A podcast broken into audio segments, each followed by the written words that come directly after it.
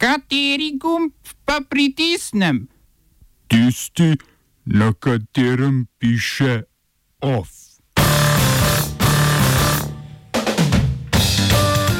Slovaška vlada običajnih ljudi. Odprava omejitev zadolževanja za države EU. Protesti ob referendumu v Gvineji. V kulturnih novicah stiske samozaposlenih ne jenjajo.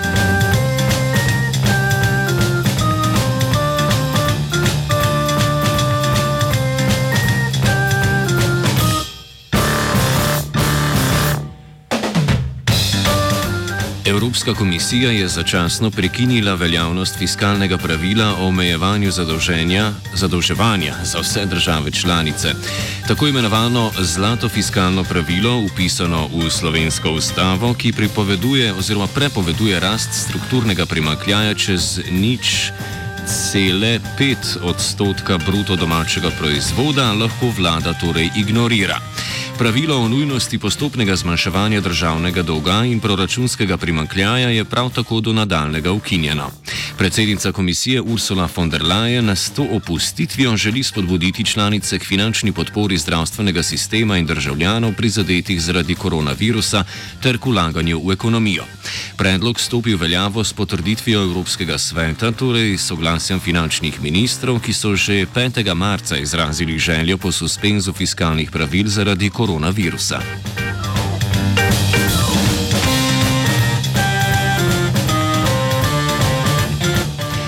Evropska komisija je tudi odobrila sistem subvencioniranja podjetij, podoben sistemu iz leta 2009, po katerem lahko država podjetjem nameni subvencijo v višini do 500 tisoč evrov brez odobritve Evropske komisije.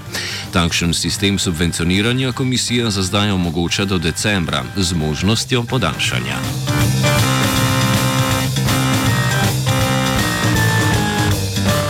Države po svetu še naprej uvajajo ukrepe za zajezitev širjenja virusa s ciljem razbremenitve bolnišnic. Italija je vsaj do 3. aprila uvedla zaustavitev vse nenujne industrije in zaprtje vseh storitev z izjemo lekarn, pošt, bank in trgovin z živili. Prepovedali so tudi sprehode v naravi.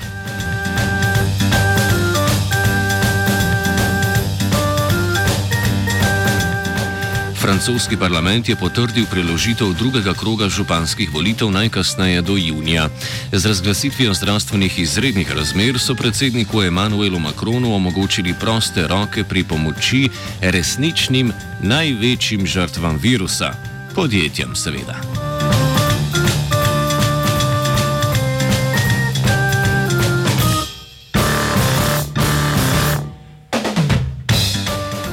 Štab Hrvaške civilne zaščite je prepovedal zapuščanje stanovanj z izjemo odhoda na delo, v trgovino ali na pomoč družinskim članom.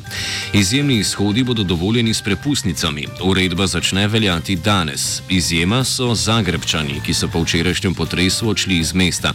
Ti se bodo danes lahko vrnili, drugi pa bodo lahko tudi zapustili prestolnico, ki se sicer še vedno trese. Po včerajšnjem potresu stopnjo 5,5 po Richterjevi lestvici so današnji današnje dopodanske potresne sunke z močjo 3,3 magnitude začutili le bolj občutljivi. Novih poškodovanih ljudi ali stavb tako ni, je pa včerajšnji potres poškodoval 250 stavb, predvsem v centru mesta.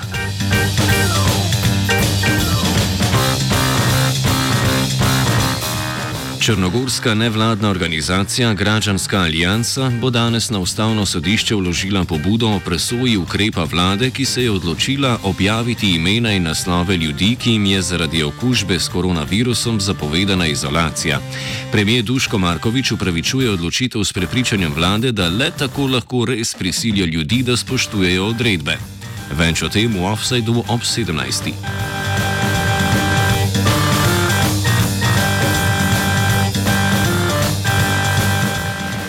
V soboto zjutraj je kot predsednik slovaške vlade prisegel Igor Matovič, vodja desno-sredinske stranke Običajni ljudje in neodvisne osebnosti, krajše Olano. Nova koalicija, ki jo poleg Olano sestavljajo stranke Smo družina, Svoboda in solidarnost, krajše SAS in Za ljudi, Šteje 95 sedežev v parlamentu, 150 sedeži, kar je omogoča spreminjanje ustave. Matovič pa je napovedal, da bi jim to lahko koristilo pri uveljavitvi strožjih kriterijev za imenovanje sodnikov. Stranka Olano je sicer na volitvah dobila četrtino glasov in s tem premagala dotedanjo vladajočo smer, ki so jo v zadnjih letih pretresali korupcijski škandali. Njenega vodjo, nekdanjega premijeja Roberta Fica, so kot stopu prisilili protesti po umoru novinarja Jana Kucijaka, ki je preiskoval povezave med smerjo in italijansko mafijo. Matovič je tako zamenjal Ficovega naslednika Petra Pellegrinja, prav tako člana samo v imenu socialdemokratske smeri, ki je slovaški vladi predsedoval zadnji dve leti.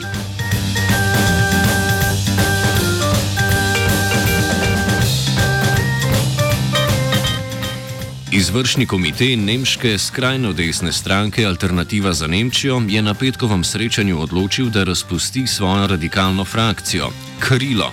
Resolucija je bila sprejeta z deset glasovi za in enim proti, prihaja pa potem, ko je Nemški zvezdni urad za zaščito ustave nad Krilom napovedal strožji nadzor in ga označil za ekstremistično organizacijo.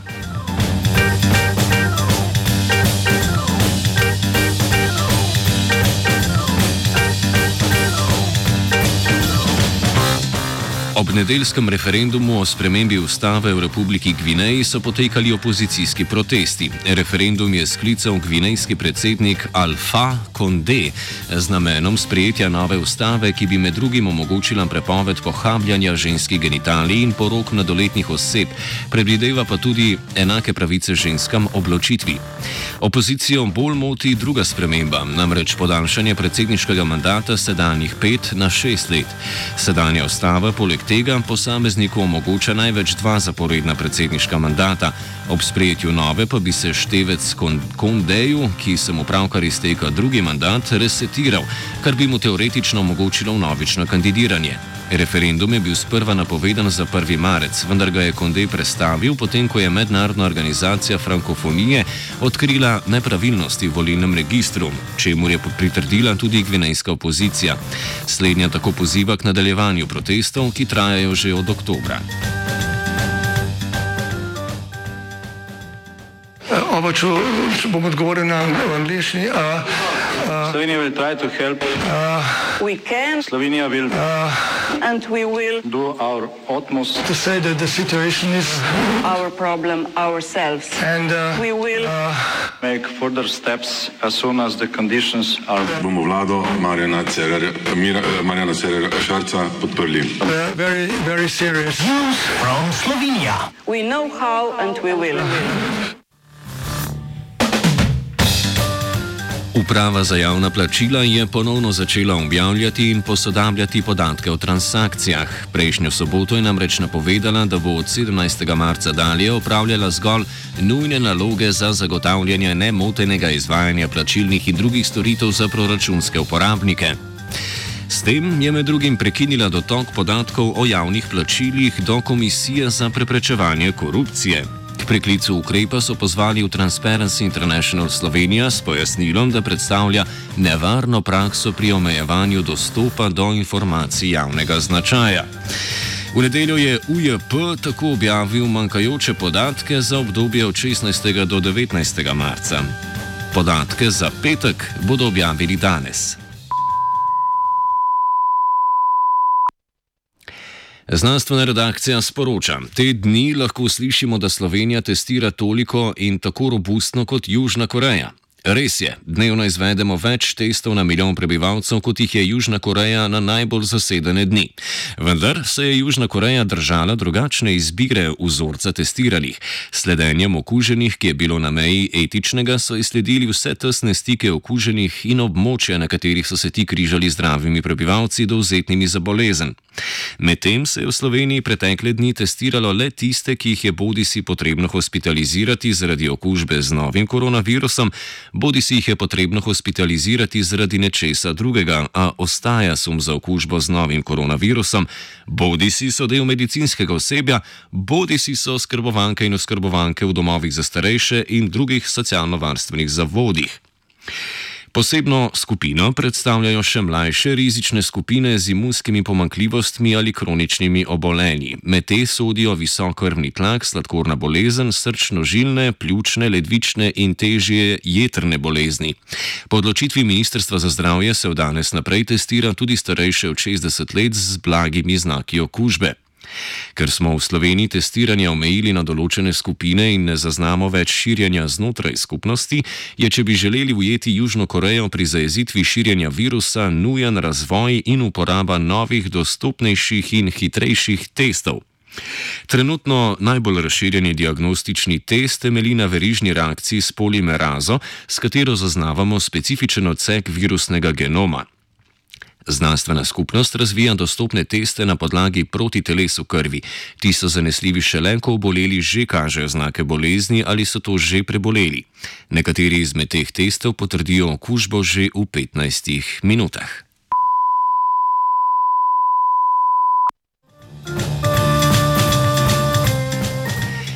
OF sta s pomočjo znanstvene redakcije pripravila vajenec Andrej in Geja.